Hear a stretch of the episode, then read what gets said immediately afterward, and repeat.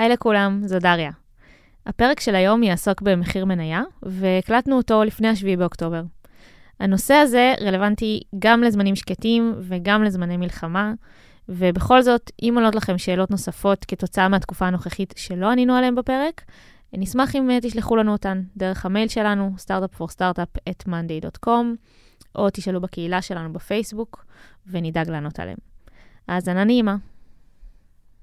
היי כולם, אני דריה ורטיים ואתם הגעתם ל Startup for Startup, והיום אנחנו בפרק הרביעי והאחרון של הסדרה שלנו על uh, השיעורים שלמדנו בוול סטריט.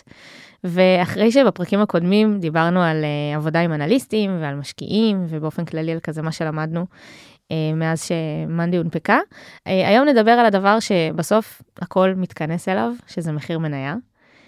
ולצורך העניין נמצאים איתי פה ערן זינמן, היי ערן. היי דריה. ולירן גלאזר, ה-CFO שלנו, היי לירן. אהלן דריה.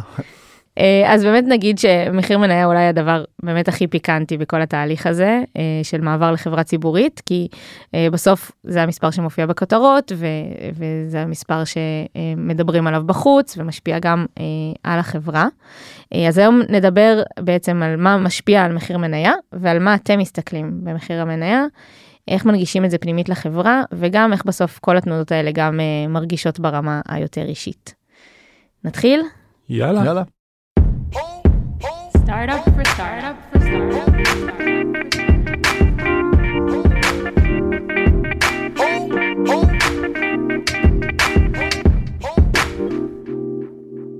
אז ערן, אני אשמח לשמוע ממך אה, בתור אה, אה, מנכ"ל משותף של מאנדי, על מה אתה מסתכל כן. כשמדברים על מחיר מניה?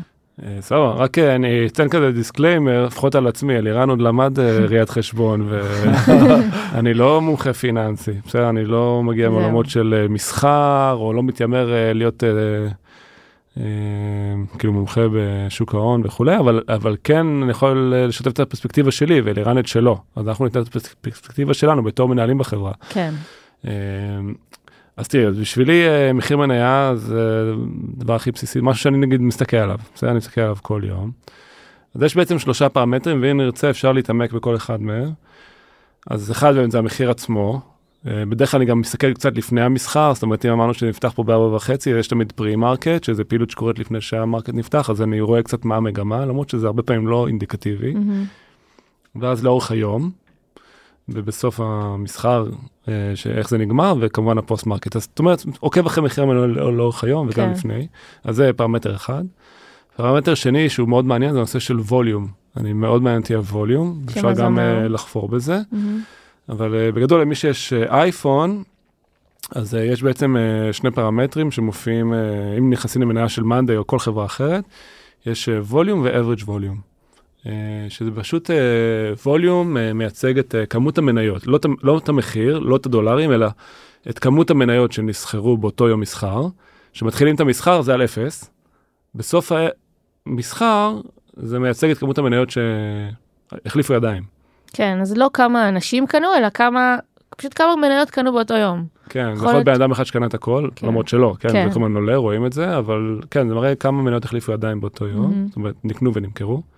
זאת אומרת, יש את הווליום ואת ה-average volume. זאת אומרת, כן. אני מסתכל על הווליום שזה כמה באותו יום, ו-average volume זה מייצג ממוצע של הווליום ב-30 ימים האחרונים. כי יכול להיות יום אחד שהוא ספציפית מאוד מאוד חזק, אבל מעניין אותי גם הטרנד לאורך ה-30 ימים האחרונים. זאת אומרת, זה מסתכל על החלון של ה-30 יום, ומראה בעצם כמה ווליום... אה, אז בואו נצלול לזה. כן. למה בכלל זה פרמטר מעניין? שניהם, כאילו ווליום ו-average volume. כן, אז uh, זה מאוד מעניין אותי, כי תראי, בסוף, אה, ונירן גם בטח יש לו הרבה מה להגיד על זה, אה, צריך שיהיה מסחר במניה. זאת אומרת, מניה שאין בה קנייה ומכירה, אה, היא מאוד מאוד לא אטרקטיבית. כן. למרות שהמחיר יכול להיות גבוה, זה לא קשור, בסדר? הרבה פעמים גם אפילו זה יחס הפוך. כשיש מעט מאוד היצע של מניות, לפעמים יש תופעות של פמפום מחירים. כן. אבל זה בעצם מראה על, כמו בריאות, בריאות של המניה. עכשיו, מה זה, מה, מה אני לוקח מזה? שנייה, אני אסביר. נגיד, בוא ניקח דוגמה ספציפית את מאנדיי, בסדר? Mm-hmm. אני כאילו, אפילו אפתח את הטלפון שלי שנייה. כן, נעשה את זה בלייב. מותר דריה? אני יודע שאת לא... יש אישור, ספציפית לפרק הזה יש אישור. סבבה. אז תראו, הנתונים נכונים נכון להיום, זה 20 לספטמבר, כן? אבל סתם ניקח את הנתונים. אז הווליום, אה, אתמול היה 520 אלף מניות. 520K רשום, average volume 620 אלף מניות. מה זה אומר בפועל? זה אומר, אם אני לוקח את ה-average volume של ה-30 המוכרים, של 630 אלף מניות, והמחיר מניה היום הוא 160 דולר. אז זה אומר שהחליפו ידיים 630 אלף מניות, מחיר ממוצע של המניה, לא ממוצע, אבל כאילו בערך נסגר השוק אתמול ב-160. כן. אז אני אומר, לא כל המניות נמכרו ונקנו ב-160, אבל סביב זה אני מניח, כן? לוקח 630 אלף, מכפיל ב-160, זה אומר שב-30 ימים האחרונים, כל יום החליפו ידיים 100 מיליון דולר. 100 מיליון דולר. וואו. כל יום. זאת אומרת, אנשים מכרו וקנו ב-100 מיליון דולר מניות של מאנדיי. של מאנדיי ספציפית. כן. וואו. אני אוסיף שיש אירועים שיכולים להיות פיקים שמאוד משפיעים על הווליום. לדוגמה, משקיע ותיק, אחד מה-VCs שהשקיעו ב-Monday, שיש לו הרבה מאוד מניות, מחליט שהוא, כחלק מהאסטרטגיה שלהם, הם משחררים מניות, הם גם חייבים, זה חלק מהפעילות שלהם, כן. כי הם משקיעים במניות חדשות, והם מתחמשים במזומנים, ואז הוא אומר, אני משחרר עכשיו 2 מיליון מניות לשוק, או שאני משחרר אותם ל-LPs שלי, כלומר למשקיעים שלי ב-VCs, והם ישחררו. ואז לפעמים את רואה שיש פתאום ווליום מאוד מאוד גדול. אז ו- לכאורה זה וזה מן. הסתם גם יכול להשפיע על מחיר המניה. כן, לחלוטין. בטח, בסוף זה היצע וביקוש, כן. כאילו, אה, זה חלק ממה שמשפיע על מחיר המניה. זה גם כן. מעורר שאלות, אומרים פתאום, מה קרה? למה הווליום של מאנדי קפץ אה, למיליון וחצי מניות ביום? אה, אז יש לפעמים כל מיני תופעות שקורות, שהן אה, לא קורות כל הזמן, אבל הן בהחלט יכולות להיות, אה, כאילו, בתקופות מסוימות, פיקים כאלה ואחרים, שמשפיעים על, ה, על כמות המניות שבעצם נמכרת. עכשיו אני רוצה. שנסביר למה אני בכלל מתעניין בזה, זאת אומרת, למה זה חשוב כן. לעקוב אחרי המספר הזה, ולמה הוא בכלל מעניין אותי, כי אה, מה זה אומר בעצם, שכל יום 100 מיליון דולר מחליפים ידיים במאנדיי? גם, גם רגע לפני זה, כן. 100 מיליון נשמע לי המון, אבל כן. אני לא יודעת, אני לא יודעת אם זה המון או נכון, לא. אז א', יש שאלה אם זה טוב או לא טוב. כן, אני חושב שמה שחשוב להסתכל זה על ווליום ביחס לשווי שוק של חברה. אז נגיד 100 מיליון דולר בחברה של אה, 8 מיליארד שווי, זה טוב, כן. אבל אולי בחברה של טריליון זה לא טוב, mm, אוקיי? זה כאילו אמור להיות איזשהו אחוז מסוים כן. אה, שהוא אז יש סביר. איזה שהם בנצ'מרקים שהם יש בנצ'מרקים, יחסית הגיוניים. ו... אבל, אפילו אינטואיטיבית אני יכול להסביר כאילו מה יכול להיחשב טוב.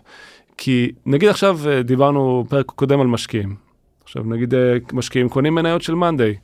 עכשיו סיפרנו שיש משקיעים, אה, אני חושב שהזכרנו, טירו וויה, ואמרנו שחלק יש החזקה של 200 מיליון, וחלק של 300 מיליון, כן. וחלק של חצי מיליארד.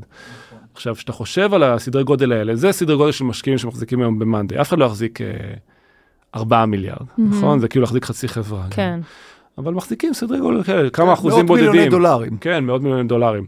ואז אתה אומר, אוקיי, נגיד משקיע כזה, עכשיו אני ואלירן עשינו איתו שיחה, נקרא לו, אה, לא משנה מה, איקס, התלהב, אומר, יאללה, נראה לי הנהלה חזקה, חברה חזקה, רוצה להיכנס. ואני קרן גדולה, משקיע חברה כזאת, רוצה לקנות פוזיציה 200, 300, 400 מיליון דולר.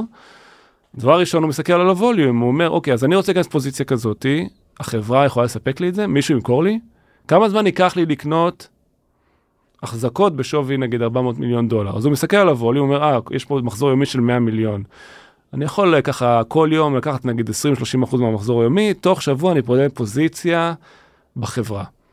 ומנגד הוא אומר לעצמו, אם אני מחר אחליט שהחברה הזאת לא מתאימה לי, אני גם רוצה לדעת שאני אוכל למכור את המניות. כי מה זה שווה לי לקנות מניות בחברה שאני לא יכול למכור כי אין ווליום, כי אף אחד לא ירצה לקנות ממני. כן, זה חייב להתאים לאסטרטגיה שלו. בדיוק, לגודל של ההשקעה, לאסטרטגיה שלו ו- וכולי. אז אני, הרבה מאוד מהעבודה שאני ואלירן עושים, וביירון ורועי, בין הרבעונים, זה להביא עוד משקיעים, עוד פרש בלאד, עוד אנשים שיקנו, עוד אנשים שימכרו. דיברנו על hedge funds שהם Mm-hmm. קונים ומוכרים מהר, אמרנו שהם חשובים. חשוב לייצר דם נע במערכת. לשמור שתהיה כל הזמן תחלופה. כן, אתה צריך את הקטנים ואת המהירים כדי להכניס את הגדולים והאיטיים. כי אם לא, כי אם באמת נגיד הגדולים עכשיו רוצים להיכנס, רוצים לקנות כמות מאוד מאוד גדולה של מניות, והם מרגישים שאין מספיק, מה זה מרגישים? הם רואים שאין מספיק טרנזקציות, כן. אז אומרים, יכול להיות שזה לא, לא משתלם לי. נכון. זה שוק לכל דבר ועניין. תחשבי, שווקים גדולים, כן. ככל שיש יותר קונים ויש יותר מוכרים ויש יותר היצע ויש יותר ביקוש, השוק יותר יעיל. בדיוק, כן. יעיל זה המילה. כן. יעיל, אפשר לקנות, אפשר, אתה, אתה יכול, אה, אתה מגיע לשוק, אתה יודע שאם תרצה 300 תפוחים, מישהו ימכור בדיוק. לך, נותן לך ביטחון, בסדר? אה, ו- וזה העניין, כי בסוף זה חלק מהבריאות. עכשיו, מה מנגד, מה יכול לקרות לחברות? ו- וקרה לו לא מעט חברות שהנפיקו דווקא ב-2021, שהשוק היה בשיא, מהמם. הנפיקו בשווים מאוד מאוד גדולים, אה, ולא הצליחו לייצר ווליום, כי משקיעים נבהלו מאוד מהר, השווי מאוד ירד, ואז את רואה שחברות שיש להן ווליום מזערי, לפעמים מאות אלפי דולרים, חברה שווה אפילו מיליארד, ויש לה ווליום של מאות אלפי דולרים. מה זה וואו. אומר? שנגיד מחר משקיע רוצה לבנות פוזיציה נורמלית, מה זה נורמלית בחברה של מיליארד? נגיד לפחות 50 מיליון דולר נראה לי, כן. כן, 30, 40. עכשיו אם הוא רואה שיש אה, ווליום של אה, 200, 300 אלף דולר, איך תבנה פוזיציה כזאת? ייקח איך- לו המון המון זמן. חודשים. חודשים. ועזבי את זה שייקח הוא לו, ישפיע תגידו, מאוד על מחיר המניה. בדיוק, הוא יכול לה- להעלות מחיר המניה, אבל זה יהיה ניפוח מלאכותי, שאחרי זה ירד. ואז הוא יקנה מאוד ביקר את המניות שלו. או שמראש הוא... הוא לא ייכנס. בדיוק, הוא לא ייכנס. זה מין איזה גלגל כזה, אה, כדור שלג. כן, נכון? יגידו לו, אתה כאילו- בטוח שאתה רוצה להיכנס, ואם תרצה להנזיל, כמה ייקח לך? ארבעה חודשים, פתאום יהיה משבר בחברה. כן, אתה צריך עכשיו את הכסף, תיקח לך ארבעה חודשים למכור, זה...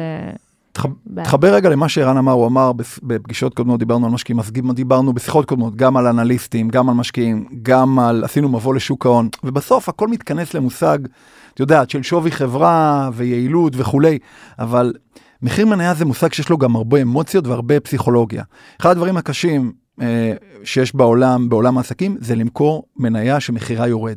כי משקיע שהוא קונה מניה, הוא נורא מתחבר אליה, ואז כשהמחיר מתחיל לרדת מסיבות כאלה ואחרות, נורא קשה לממש, כי אתה אומר, ואני מדבר על משקיע שמבין עניין, אני מאמין שהחברה אה, בטווח הארוך מחיר המניה יעלה, אבל זה נורא קשה, כי אתה רואה את הכסף שלך הולך כן, ונשחק. אתה, האינסטינקט אומר לברוח עכשיו, אבל אתה... כן, אני זוכר שהנפקנו את מאנדיי, ערן אמר שלפני שנתיים, אז מאנדיי הגיע גם ל-400 דולר.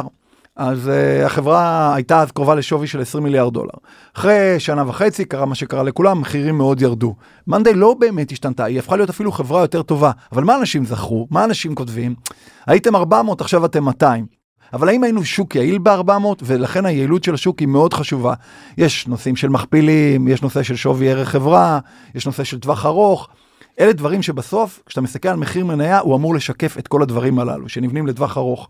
וורן באפט קורא לזה, בתרגום חופשי, בטווח הקצר, מחיר מניה הוא מכונת מזל. היא מושפעת מתנודתיות, מסנטימנט, ממאקרו. בטווח הארוך זה מכונת שקילה.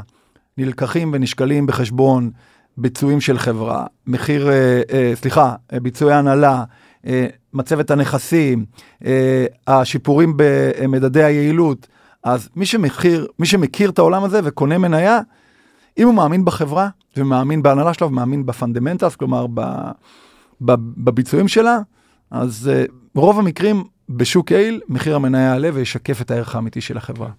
זה מביא אותי בעצם לדבר השלישי שאני מסתכל עליו, זאת אומרת, אני, ה volume וה average volume זה עדיין בסעיף 2, כן? אוקיי. אה, אמרנו, הדבר הראשון זה מחיר מניה, pre-market, תוך כדי היום ב post-market, השני זה אני מסתכל המון על volume וה average volume, איך זה מתפתח.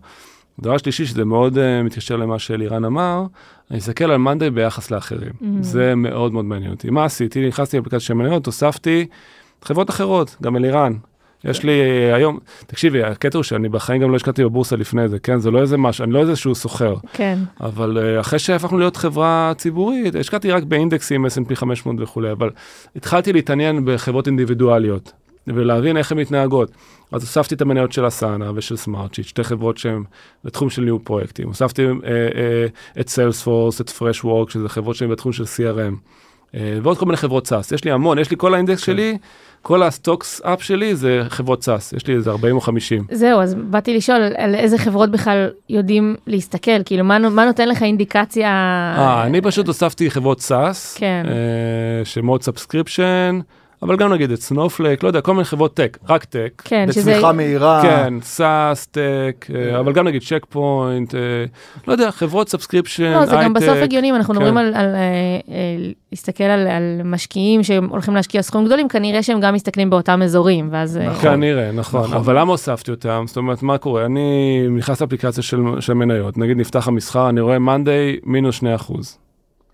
מה אני דבר ראשון מסתכל? על השער. מה? קורה אצל השער? למה? כי אני מנסה להבין מה קורה. אף אחד לא יודע מה קורה, כן. בסדר? אבל אני מנסה להבין מה קורה. עכשיו, אם אני רואה שכולם ירדו 2%, אתה אומר, אוקיי, אני אומר, אוקיי, למה כולם ירדו 2%? כי כנראה היה חדשות על משהו, או משהו באמון של המשקיעים ירד, לא על מאנדיי ספציפית, אלא על הסקטור הזה של חברות ב- סעד. בשוק. שוק, כן. Uh, כי אני מנסה להבין, כאילו, האם אנחנו חריגים, האם אנחנו מתנהגים כמו השאר, זאת אומרת, אני מאוד מאוד מסתכל על בנצ'מרקים. עכשיו נתת דוגמה של 2% ודווקא אני רוצה להתעכב על זה, כי כן. 2% מרגיש לי מ- אני יורה פה, אבל כן. אני אומרת 2 אחוז, אוקיי, נראה לי. קטן, או נכון. בכלל צריך להסתכל על אחרים, אולי לא. מתי יודעים שצריך להתחיל לנבור ולה, ולהבין אם זה חשוב, אם זה לא, מה קרה, מה... צריך כן. להסתכל לאורך זמן, אה, להסתכל על מניות בצורה יומית. אם אתה day trader, בוא, בוא, אז בואו רגע ניקח צעד אחורה, נבין, יש משקיעים, כמו שדיברנו, המשקיעים היותר מוסדיים, כן, אה, שמשקיעים גדולים, בכמויות, משקיעים כן. מקצועיים, ויש day טריידרים. כן. יש כאלה שהם, אה, יש אתרים שמאפשרים לאנשים, בטח בעולמות של טכנולוגיה, שהם חיים על המרג'ינים כן, האלה. חיים על המרג'ינים. Mm. בא בחור צעיר, אומר, אגב, בתקופת הקורונה זה מאוד אה, פרח. היה את אה, האפליקציה של רובין הוד, אנשים נכון. קנו ומכרו נכון, מניות. והשפיעו מאוד על מחירי מניה, כן, מניות מימי. כן. כן. ותחשבי על אני בחור שיש לי אלף דולר, ואני אומר, אני הולך עכשיו להתחיל להשקיע. קניתי מאנדיי באלף דולר. עלה 2 אחוז, עשיתי 20 דולר. עלה 15 אחוז, עשיתי 150 דולר, זה מספיק לי. 150 דולר, אני מוכר מיד. ואז אני שם, תמיד אני אומר, אם זה יורד אחוז, זה יכול להשפיע לי, בא לי להוציא את ה-150, אני מוכר. משקיע גדול, יסתכל לאורך זמן, שאתה שם 100 מיליון דולר, 50 מיליון דולר, זה לא באמת משנה לך אם המניה זזה היום 2 אחוז, אתמול 3 אחוז, אלא אם כן יש טרנד. כן. אתה מסתכל long term, אתה אומר, אני מאמין שעד סוף השנה, השקעתי היום, נגיד בראשון לינואר, בראשון למרץ, אני מאמין שעד סוף השנה זה יעלה 8 אחוז, הריבית בשוק היא 3 אחוז, 4 אחוז, אני עושה פה upside, אני כן. משאיר את זה. אז, אז, אז לדוגמה, אז, אז אה, כאילו, את צודקת, זה פלוקטואציות שיכולות להיות, גם אמרנו, זה פשוט מייצג את הטרנזקציה האחרונה, בדיוק. כן? אז כאילו, אוקיי, מינוס אחוז, פלוס אחוז, מ- אני מסכים איתך, אין לזה משמעות, אבל אני כן מסתכל, כי זה נותן לי איזושהי אינדיקציה. אה, לנסות להבין משהו, כי אם נגיד אני רואה שכולם ירדו, אני אומר, טוב, יאללה, ניחא, כל השוק כאילו יורד עולה, קרה משהו, זה לא בשליטתי. אם נגיד אני רואה שמאנדיי פתאום פלוס 5 אחוז, השוק כולו מינוס 2, אני אומר, רגע, מה קרה פה? סתם, אני שואל את אלירן, אה, כן, המשקיע הזה קנה, שמעתי מביירון שהוא רוצה לקנות, פתאום מישהו ייצר יותר ביקוש. זה כן אבל מעיד על איזה משהו חריג. משהו, כן, כן. אבל שוב, זה בקטנות, ויכול להיות שכלום, מבינה? כן. זה כאילו הכל... אה, נכון. או, או פתאום זה- אה, זה יורד, אז אה, וואלה, אלירן אומר, כן, אחד המשקיעים, ה-VC, זה שחרר לשוק מה שהוא אמר מקודם, אה, שתי מיליון מניות. זה נראה לי מה זה קשה. כאילו, אנחנו חברה שכל דבר הוא, אנחנו כל היום בדאטה, נכון? אנחנו כל היום אה, מבינים איפה כל, אה, כל יוזר, מה הוא עושה ומה הפעולה ואיך זה משפיע. ובסוף יש פה דברים, אתם מתארים לי סיטואציה שאתם יכולים לנבור ולנסות להבין מה קרה, אבל אתם גם יכולים להגיד, לא יודעים. אין לנו שליטה על זה, נכון, אין שליטה על זה. אין שליטה. ואני אגיד לך איפה זה הכי מתסכל, כאילו דווקא שזה, כאילו, אה, שוב, אני, זה התמודדות שלי עם עצמי, כן? אני לא בטענות לאף אחד, אבל אה, שהחברה היא מאוד מאוד הצליחה, שהגענו ל-400, ואנשים קנו. הרי מה זה 400? זה אומר שמישהו מכר ומישהו קנה. כן. תמיד זה ככה. כן. כאילו, אנשים אומרים יש קונים, אין מוכרים, זה תמיד אה, צריך סימטריה. אף אחד לא קונה בלי שמישהו מוכר לו נכון. והפוך. ויש אנשים שקנו ב-400 כי ציפו שזה יהיה 500, 600, 700, והם האמינו באותו רגע שהחברה שווה 400. ואז קרה מה שקרה בשוק, ירד ל-200, ואז הם באים בטענות לחברה. כאילו, מה קרה, ולמה אתם לא מצליחים, ולמה זה ירד. ואני אומר, אני לא קניתי ב-400. כאילו, זה, כשאני הייתי חברה פרטית ובאתי למשקיעים, אמרתי להם, זה השווי, עמדתי מאחורי זה. היה לי היגיון, היה לי framework. השוק יש לו חיים משלו, אני לא שולט בזה, אני לא קובע לבן אדם אם הוא יקנה או לא יקנה ממישהו אחר שמוכר לו באותו רגע, כי השוק היה באופוריה והכל עלה וכאילו הצליח, אבל זה באמת חוסר שליטה בכל הלוולים. ועדיין זה יכול גם להשפיע על, על התדמית של החברה, בלי שיש בהחלט. לכם את השליטה על נכון, הדבר נכון. הזה. ואז אתה אומר, תראי, אנחנו, תפקידנו, ערן, רועי, הנהלה, אני, זה לעשות הכי טוב, שבסוף המשקיעים שמאמינים בנו, ובנו איתנו מערכת יחסים לטווח ארוך, ירוויחו מזה שהם השקיעו בחברה. וזה מטריד אותנו גם ברמה הזאת, כי כשערן מדבר על משקיע שהשקיע ב-400 וירד לו ל-200, זה מבאס אותנו, כי אנחנו... זה בא מישהו שאומר, אני רוצה לקנות מאנדיי כי אני מאמין במאנדיי, ואז זה ירד, לא היה לנו שליטה על ה-400. כן. זה לא פוטר אותנו מאחריות לנסות להעלות בחזרה את מחיר המניה, אבל באמת היכולת שלנו לשנות בטווחי זמן קצרים היא כמעט אה, בלתי אפשרית. בוא נעשה לך עוד mindfuck אחד. זה מה שדיברתי עליו עם רועי ואלירן אחרי הארנינגקול האחרון. הארנינגקול האחרון, אז דיברנו על כל הדברים שאין לנו שליטה עליהם, נכון? מה שקורה. יש דברים שכן יש לנו שליטה עליהם, תוצאות של החברה. יש לנו נכון. פעם אחת ברבעון, תוצאות רבעוניות. ואז באותו יום, אה, מחיר המניה כן נזקף לתוצאות של החברה, כן. נכון? זה תמיד יש את הכותרות בעיתונים, מאנדי עולה, מאנדי יורדת. נכון. אה, אז שני דברים קורים באותו יום שהם מאוד מעניינים. אחד, ה volume עולה תמיד. כן. ה volume ביום של earning, בדרך כלל פי 4, פי 3, 4 מה-average volume. זאת אומרת, זה ממש מניע אנשים לפעולה. כן, כן, התוצאות, אם נגיד הזכרתי את הדוגמה של מאנדי, 630 אלף average, ביום של earning יכול להגיע ל-2 מיליון, 3 מיליון וואו, מניות. אוקיי, כן. משמעותית יותר. זאת אומרת, סכומים של, אה, באותו מחליפים ידיים, חצי מיליארד דולר, אוקיי? אה, אז זה דבר אחד שקורה, ובית המניה מגיבה על התוצאות. עכשיו, מה ה mindfuck פה? כאילו, ב earning האחרון זה גמר אותי. לפני ה earning היינו, אל תתפסי אותי במחיר המדויק, אבל הסנטימנט חשוב, היינו בערך ב-170 דולר למניה. לא יודע מה קרה, מקרו, שמע מקרו, המנ- המניה ירדה לאורך הרבעון. בלי קשר אלינו, כי לא פרסמנו תוצאות ל-150, פרסמנו תוצאות, עלתה ל-170. כולם אמרו, איזה תוצאות, המניה עולה. עכשיו אני אומר, אמרתי לרועי, סתם, ניסוי מחשבתי. נגיד היינו נשארים ב-170, מפרסמים תוצאות, והיא הייתה נשארת אותו ב-170. דבר. אז מה לא היו כותרות מה היו אומרים? העיתונים? איזה כן. תוצאות, המניה מה היה נשארת אותו דבר. הסנטימנט? כן. זה, זה, בגלל שהכל יחסי, אפילו זה- זכור לי, אני לא יודעת אם אני זוכרת נכון, שהיה earnings call, שדיווחתם על, על תוצאות טובות, והמניה והמניה ירדה. ירדה. כן. כן. זה עוד יותר mindfuck. יש כן. משפט שאומר, buy on the rumors, sell on the news. תקנה לפי התחזיות או השמועות ותמכור כשאתה רואה את החדשות האמיתיות בתרגום חופשי. יש הרבה מאוד מערכת ציפיות לקראת אה, פרסום תוצאות של חברה. אתה מתחיל להגיד אה, מה יהיה, היא עשתה טוב, היא לא עשתה טוב, אה, אני מאמין שהיא תרד, אני מאמין שהיא תעלה, ואז יש כל מיני מנצלי הזדמנויות כאלה ואחרים, ומצד שני יש כאלה שאומרים, אולי זו הזדמנות בשבילי כמשקיע ארוך טווח לקנות, אז מתחילה פעילות במניה, זה מתחיל השוק שלפני השוק, וזה משהו שהוא מאוד נפוץ כל הזמן, ויש גם מכונות.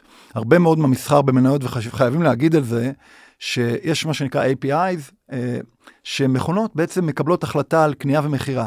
לפעמים יש מצב שחברה פרסמה תוצאות לא טובות, אבל לא נוראיות, ופתאום היא קורסת ב-30%. מה קרה? יש מה שנקרא סטופלוסים. סטופלוסים זה מונח שאתה קנית מחיר מניה, נגיד קנית ב-100, ואתה אומר, אני שם סטופלוס ב-95. כלומר, אם המניה יורדת מתחת ל-95, תמכור לי. מיד, כי אני לא רוצה לספוג הפסד של יותר, מעל חמיש, יותר מחמישה אחוז. המכונות האלה, כאשר קורה משהו לא טוב, הן כולן פועלות כמו מכונות, זה רובוטים. אין פה אמוציות, זה שחור לבן, זה בינארי. ואז מניה שמתחילה לרדת, גם אם התוצאות שלה לא היו כל כך נוראיות, פתאום כל הסטופ-לוסים מתפוצצים, בום, זה יוצר לחץ. על מחיר המניה. אז חשוב להבין, וזה יוצר איזושהי היסטריה, שהיא לא תמיד מוצדקת במציאות, כי שוב, אה, שלטון המכונות, מטריקס, יש את זה מאוד בעולמות של מסחר במניות. דיברנו על, אה, על המקרה של להגיע ל-400 דולר. יש לכם איזה חשש מהתרסקות אה, ממש אה, קשה? כאילו, לא יודעת, פתאום אה, יש חברות ש, שהיו ב- בגבהים כאלה וירדו ל-5-6 דולר. כן, לא, זה מקרים קיצוניים. חברות שירדו, ב- חתכו שווי ב-90 ומשהו אחוז, אה, חברות שיש בהן בעיה של אמון כן. משקיעים, שהם כן. בעצם אה, לא דלברו בצורה קיצונית. ויש דוגמאות כאלה, גם חברות שהונפקו ב-2021.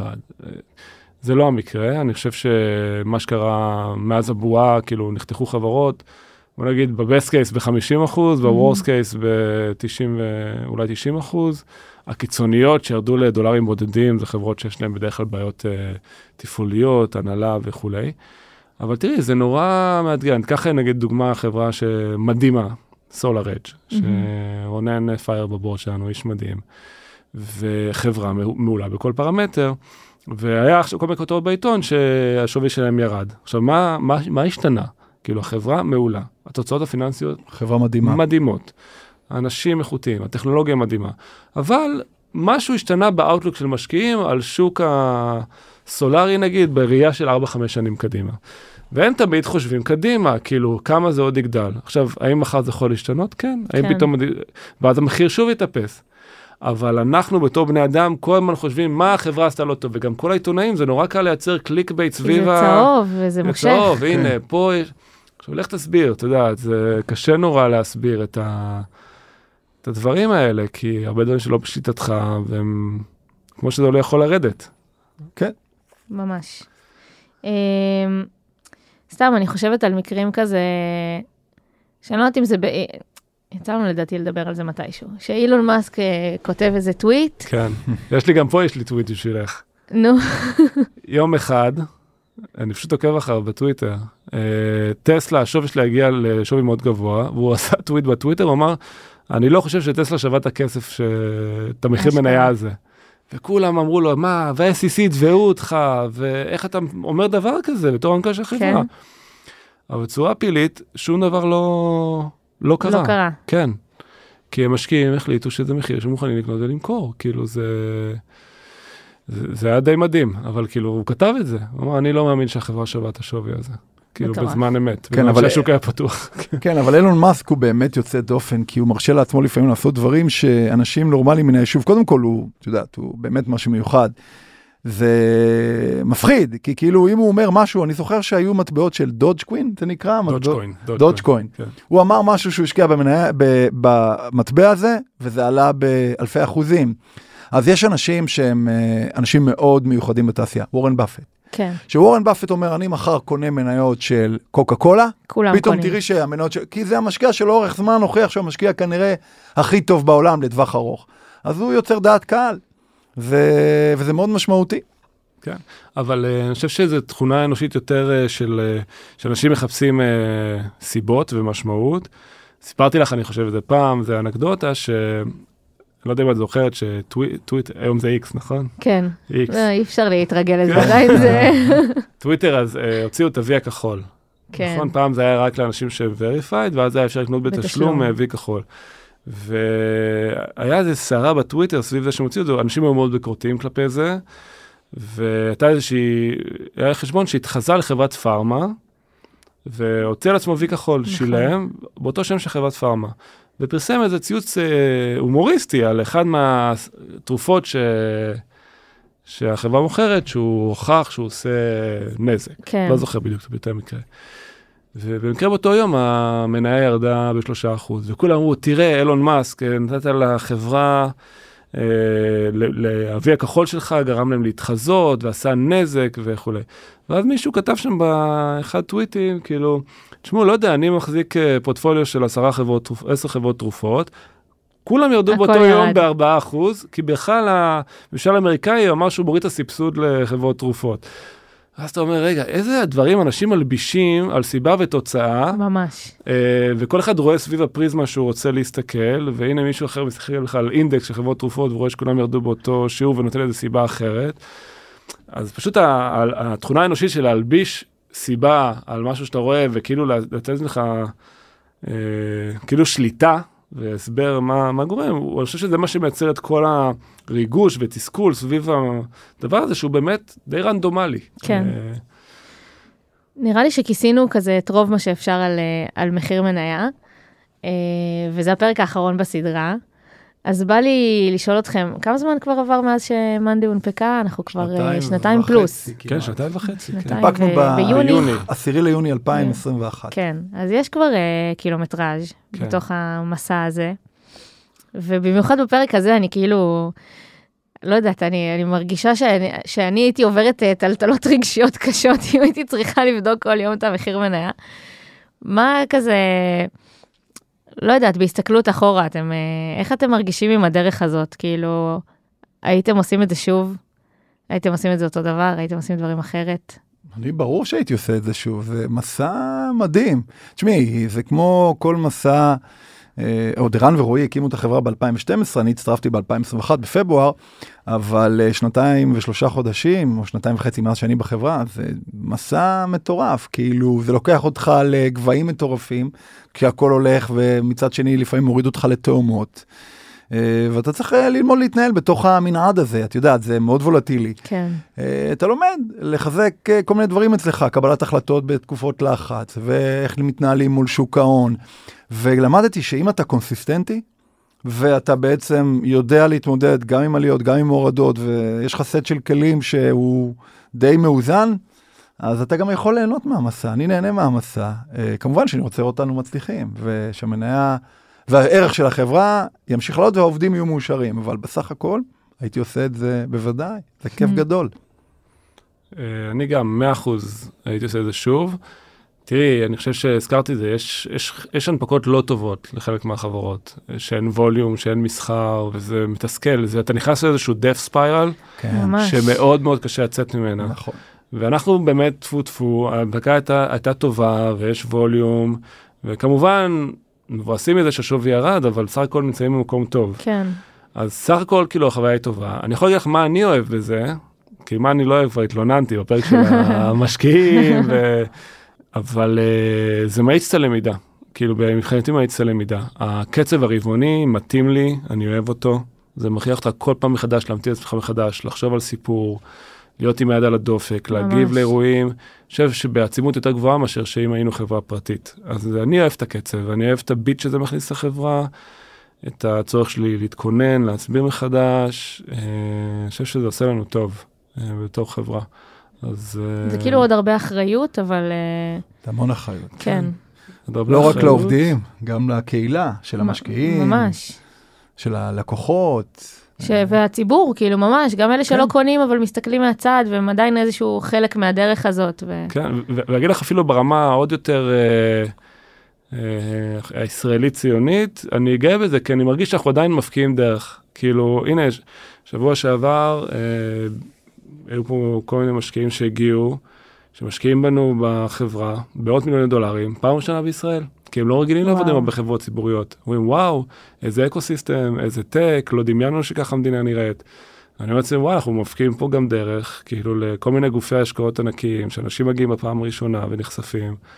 אה, אז יש פה גם את האלמנט הזה, לא יודע לקרוא לזה ציוני, ישראלי, כן, כאילו אבל ש... כן, אבל זה גם, אה, זה מרגש, להרגשה ש... הזאת של לפרוץ דרך. לגמרי, תחשבי שעד הבציר של 2021, היה מעט מאוד חברות ציבוריות, אה, וויקס וצ'ק פוינט וסולאר אדג' ו... פייבר. פייבר, כן, שהיו קצת לפנינו, אבל כן. אני חושב שעכשיו אנחנו, אנחנו ועוד רבים אחרים... יש תנועה. יש תנועה ואנשים נחשפים, ואני חושב שזה מחזק פה את ה ecosystem, אז אני גם מרגיש גאווה בהקשר הזה, כאילו... אני גם חושב שלפעמים זה נראה מהצד, אה, את יודעת, אנשים, אה, החברה שווה בסוף מעל 7.5 מיליארד דולר, זה שווי מדהים. ואנחנו לא חפים מטעויות, כאילו קורים הרבה טעויות בדרך. הקטע הוא גם איך אתה, כמו שרן אמר, לומד מזה, משפר הלאה ומתקדם. אנחנו, יש, יש המון עבודה שמשקיעים בזה, אבל, אבל... אה, אתה כל, כאילו מכריח אותך להיות בתנועה כל הזמן. מתפתחים כן. כל הזמן. כן. כן. מדהים. Uh, טוב, חייבים לסיים עם טיפים, אני כבר באתי זה. פעם שעברה אתה נזפת בי שלא שאלתי אותך אם יש לך טיפים. באמת, נזפתי, את בטוחה, דריה, אני לא, נזפת עם חיוך, נזפת עם חיוך. אז אולי, אה, לא יודעת, משהו אחד... יש לי גם שאלה בשבילך בסוף. בבקשה. לא, בסוף. אה, בסוף, כן. אוקיי. אה, אז משהו שאתם רוצים שאנשים יצאו איתו מהסדרה הזאת. מהסדרה? מהסדרה, אתה יכול מהפרק. תן לי לירן להתחיל. אה, אני אגיד את זה, כאילו, אם שומעים את הסדרה הזאת מההתחלה עד הסוף, בעצם מקבלים פרספקטיבה מאוד, בעיניי, אה, מאוד אה, משמעותית על מה זה אומר להיות חברה ציבורית, איך נערכים להיות חברה ציבורית, מי הם הסטייק הולדרים שאתה עובד מולם. וזה גם מעניין, לפחות אותי. אז אם אני הייתי היום בהנהלה של חברה שהיא מצליחה או בתחילת דרכה וחושבת מתישהו בעתיד ללכת להנפקה, או אולי אפילו למכירה, אבל גם מתנהלת ב, בעולמות שאנחנו מתנהלים בהם, תשמעו את זה, זה יכול להיות uh, מאוד מעניין. ואם עזרנו במשהו, אז uh, זה כיף, כאילו, לי היה נורא כיף, כאילו, נורא נהניתי ואני uh, אשמח אם נעשה סדרה, לא אכפת לי על מה, שוקולדים, שלחו לנו הצעות. אני ונראה מתנדבים. כן. ממש. כן. טיפים, אה, לא, אני חושב שאולי בתור עובד, אה, אם הייתי מצטרף לחברה ציבורית, אז הייתי גם מנסה להבין האם ההנפקה הייתה מוצלחת או לא מוצלחת, האם יש מסחר, יש ווליום, מסתכל על ההיסטוריה של מחיר מניה, מנסה להבין מה הסנטימנט, כי זה חשוב. לפעמים uh, אולי בתור עובד אתה אומר, טוב, כל חברה ציבורית היא זהה, וכל... אבל צריך, אני חושב שציידנו אנשים בידע שמאפשר להם, להם uh, להבין מה, קצת מה עובר על חברה, גם במבט מבחוץ, כי הרבה מאוד מהנתונים האלה זמינים. ממש. אני חושב שזה משהו שעוזר. עכשיו אני רוצה לשאול אותך שאלה. מלא. אז את uh, מלווה אותנו כבר ארבעה פרקים, נכון. ובהתחלה שבאנו לתת את הסדרה, אמרת לנו, תקשיבו, אני לא יודעת, זה מעניין, לא מעניין, זה נושא מאוד טכני. נכון. Uh, אז אני חושב שזה נושא שהוא גם טכני, אבל גם uh, מאוד רגשי ואמוציונלי וכולי. מה, מה הדבר שאת לוקחת, כאילו. מהסדרה הזאת? כאילו, בכללי, אני לא יודע אם משהו ספציפי. אז אבל... קודם כל, הדבר הראשון זה שזה זה לא תחום אפור, כאילו אני, כאילו אני באמת uh, באתי בחששות לסדרה הזאת, אמרתי מי ירצה להקשיב ולמה זה מעניין. Uh, אז זה מאוד מעניין, גם כמו שאמרת, מי שעובד או עובדת בסטארט-אפ עכשיו, אה, רוצים להבין קצת יותר על, על החברות שהם עובדים בהן, זה בעיניי, אני קיבלתי פה הרבה, הרבה כלים כעובדת. אה, וגם אה, גם בסוף אתם, אתם בלידרשיפ של החברה, אתם חווים את ה... חוויתם את ההנפקה בצורה מאוד מסוימת. גם אני כעובדת, אני מרגישה ש... אני ממש מרגישה שעברנו פה גם איזה מסע בשנתיים האחרונות. ו... כן. וגם לי זה היה מאוד מעניין עכשיו להסתכל על זה אחורה ו... ולהבין מה, מה אני לקחתי תוך כדי מהדרך. אני נזכרת בכל מיני פעמים שדיברתי על, ה... על המחיר מניה או על מאנדיי עם, עם חברים מבחוץ, וניסיתי להסביר להם uh, מה זה אומר שהמניה ירדה או לא, ומה אני חושבת, ואם אני מאמינה בחברה. מעניין. ו, uh, ו, ואני מרגישה שזה חלחל לאורך הדרך, כאילו, זה לא רק דברים שקיבלתי מהסדרה עכשיו. Uh, אז אני חושבת שזה נותן, נותן הרבה כלים. נכון, אה, בתחילת הסדרה חשבת שמחלקת כספים זה היאפשים האלה שיושבים שם בחדרים, וזה לא ככה. לא, בסדר. מרכז העצבים של החברה. בדיוק, בדיוק. לא, אני אה, צוחק. ואולי גם נרים, אם כבר הזכרת מחלקת הכספים, כפר עליהם, שנוריד לכל הדבר הזה לקרות, באמת. ממש. אנחנו חלק מ... אופרציה מדהימה. כן, הכספים והליגל ו-HR ו-Development, באמת. כן, אבל אה, זה באמת המון המון עבודה מאחורי הקלעים. כן, ממש מפעל שלם. אז uh, תודה לכל מי שלוקח חלק. ורגע לפני שנסיים, אני אזכיר שאם יש לכם שאלות או רעיונות נוספים לסדרות, אתם מוזמנים uh, uh, לכתוב בקהילה או באתר שלנו, ואם תרצו לדעת כל פעם שיוצא פרק חדש, אתם מוזמנים לעקוב אחרינו בכל אחת מהאפליקציות. אז תודה ערן. תודה דריה. ותודה אלירן. תודה דריה. תודה שהאזנתם. Startup for startup for startup.